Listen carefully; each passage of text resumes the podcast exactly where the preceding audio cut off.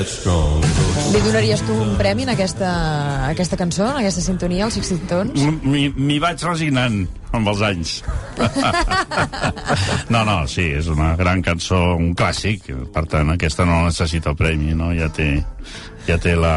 Ja, l'aureola ja la té.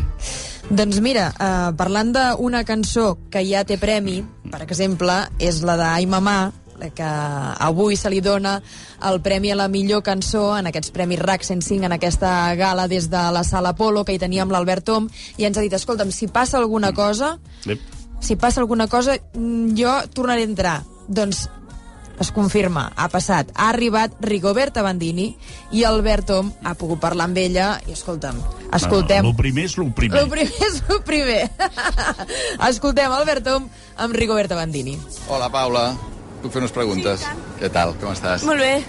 Escolta'm, acabo de parlar amb la Judit Mascó, que m'ha explicat una cosa que no sabia teva, que és que tu vas ser directora de teatre de la seva filla. Sí, sí, sí, sí.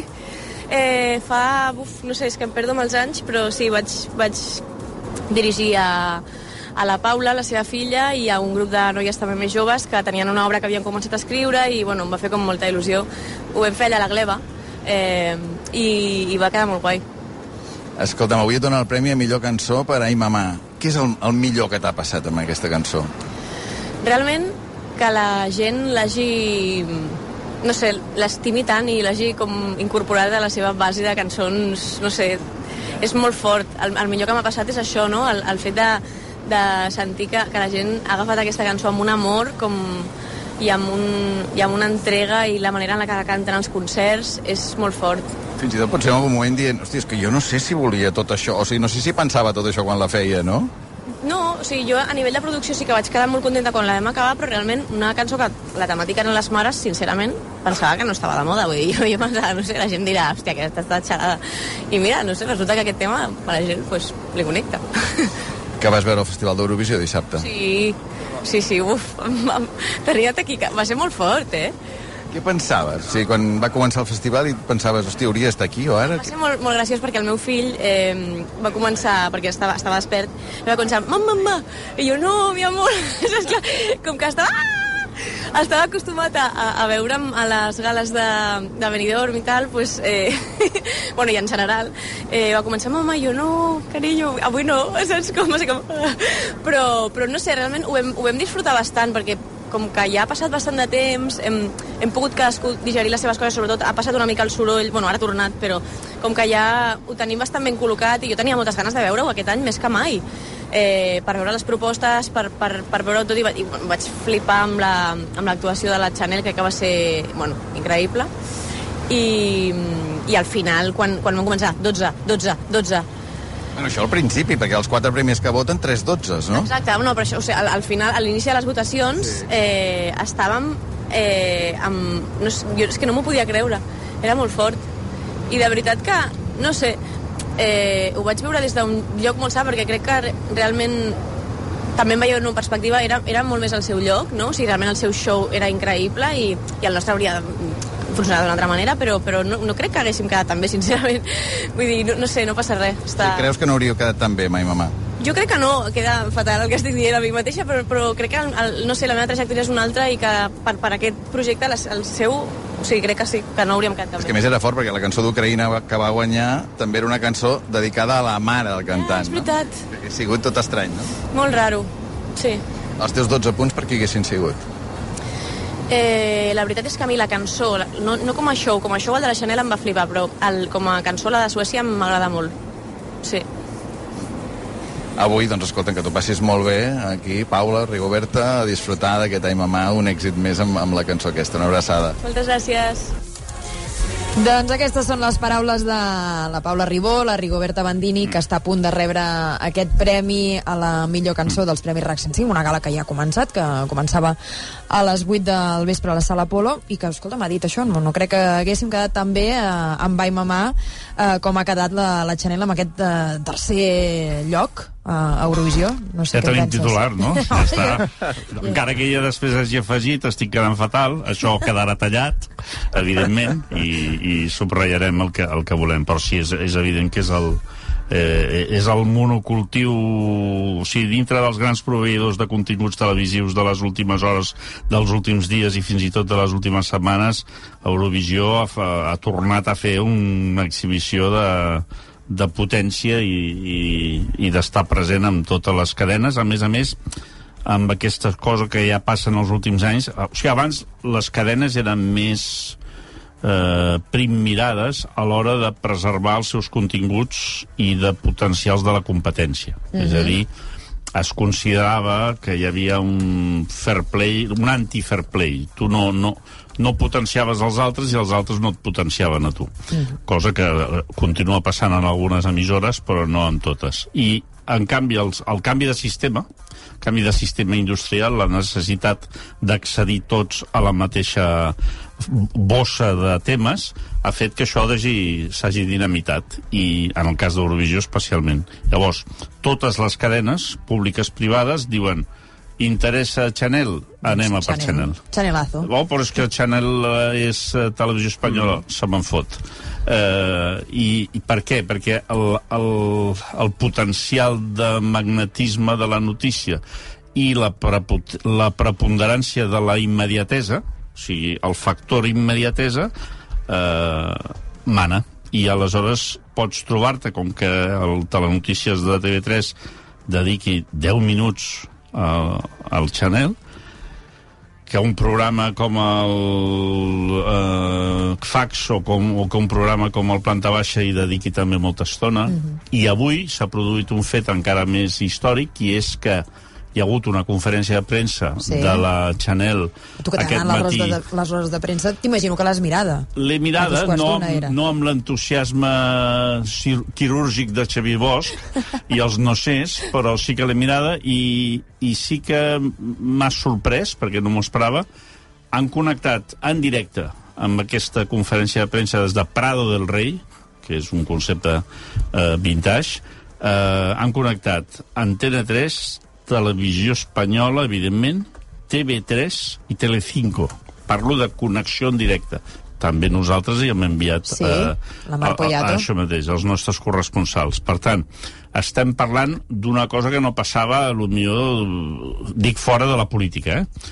Si són fenòmens que es donen molt poques vegades. El fitxatge d'un jugador del Madrid, uh, estic pensant, no sé, quan va venir Ronaldo, que va venir amb un avió a Torrejón d'Ardoz i van acompanyar el cotxe eh, en què venia, no sé, però... Les rodes de premses de la- de l'OMS, no?, aquests dies amb el coronavirus, també. Sí, que però aquestes tenia... venen d'agència, no? Ja Sí. ens venen... Però així és una cosa organitzada. I, a més a més, una altra cosa que m'ha sorprès és el format. I aquí vaig a fer especulació. Per tant, no és ni informació ni, ni reflexió. Estem en el terreny de l'especulació, ho del cunyadisme, perquè ara, ara l'especulació se li ha de dir com se n'ha de dir, que és el cunyadisme. Ara vaig a fer de cunyat. I és que a mi m'ha fet la impressió que la presència de Chanel en la conferència de premsa d'avui, que estava organitzada una mica improvisadament, ella, eh, que hi havia una, in, un esforç molt important per part d'ella de que hi fossin els seus acompanyants. Mm -hmm. de que hi fos... Això ha passat mm -hmm. tota, to, tota l'operació sempre he tingut la sensació que ella s'estava protegint i que necessitava en els altres. En canvi, la televisió o la marca hauria volgut treure's de sobre els mariachis i deixar l'estrella. Però creus que és per protecció, que ella ho fa per protecció? o el perquè cunyat, el vol... cunyat creu que sí. El cunyat, el creu- cunyat que- creu que aquesta noia té una té una doble, un doble vessant. Un, la generositat mm. -hmm. i de dir això ho hem fet entre tots, ha sigut una feina d'equip. Jo ho havia interpretat aix- així. Sí, però això ho defensa ella, mm -hmm. no la marca. La marca vol Chanel i vol que els altres siguin optatius. En canvi, ella subratlla molt el fet de que tot això s'ha fet en equip. Eh, els intentava introduir a les converses. Hi havia un esforç perquè la presència d'aquests músics i d'aquests, eh, perdó, d'aquests ballarins, bàsicament, mm -hmm. eh, fos... I, i llavors hi havia la directora general o o de, de, de Televisió Espanyola que intentava portar la, la conferència de premsa cap a un territori o un altre. I després un altre fenomen que m'ha interessat molt i que si algú, potser un Armenteres o un Jordi Ramos ens pot ajudar, li agrairé molt, i és el misteri de la jaqueta de, eh, d'aquell noi que es diu Spain. Del ah, del, Palomo, del Palomo del Spain. Palomo Spain. Sí. Uh, la primera vegada que vaig sentir parlar de la jaqueta que duia la, la Chanel vaig sentir que parlaven de 5.000 peces d'Esbaroski. Mhm.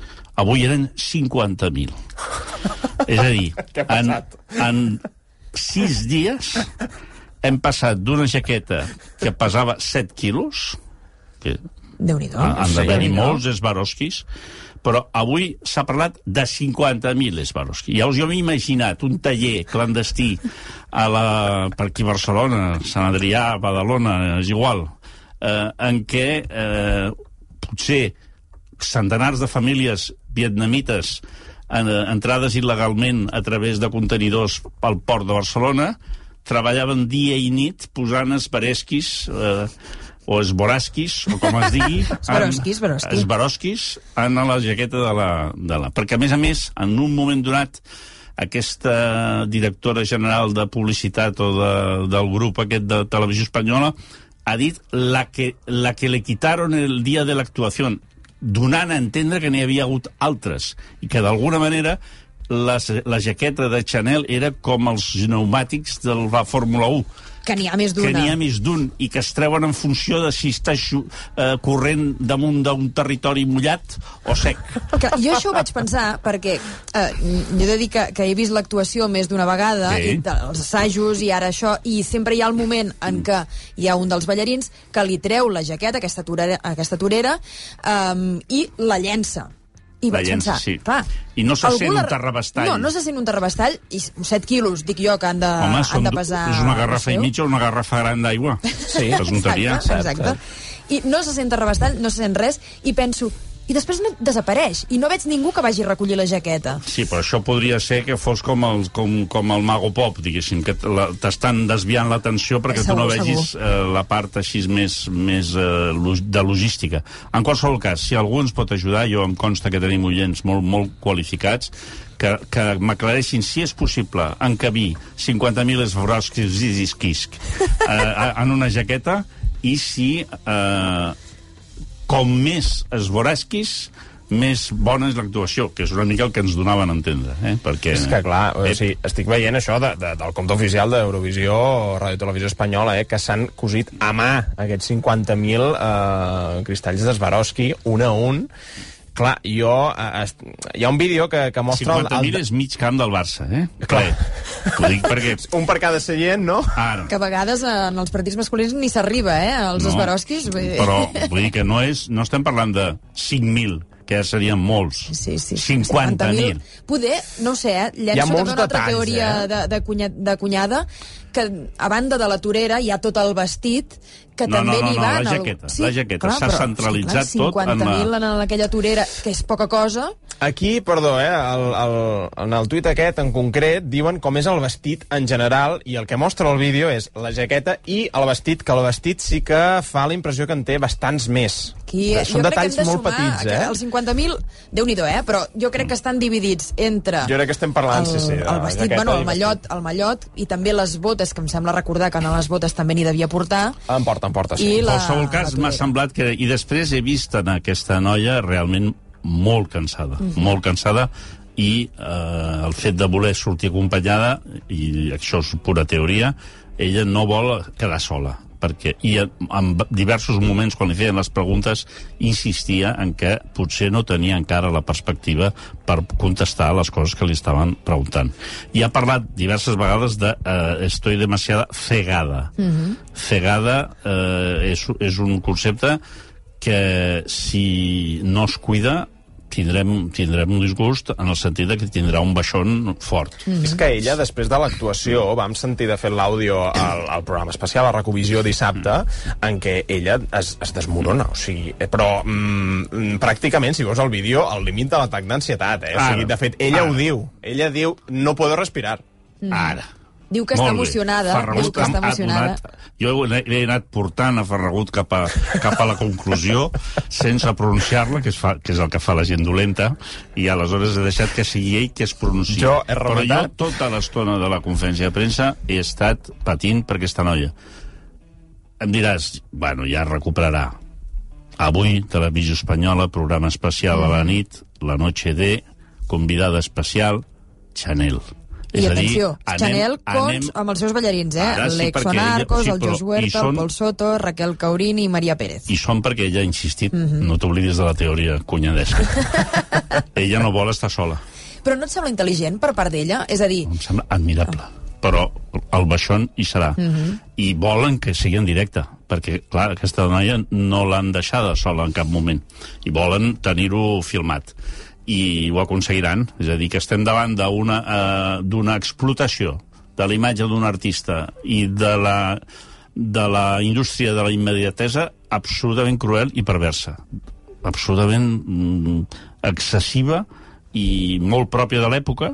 Els és igual una cantant d'Eurovisió que un nen desaparegut que una família destrossada i si hem d'anar a entrevistar 700 vegades a l'àvia d'Olesa, hi s'hi anirem. va 700 vegades. No hi, ha, no hi ha pietat. Però tu tens la sensació de que acabarà sent... Uh, ara em surt en castellà, perdó, un juguete roto, Ara. no, diguéssim? És, No, perquè jo no, la tinc, eh? O sigui, jo, jo, la, jo el, el, el patiment que he tingut és un patiment d'ara.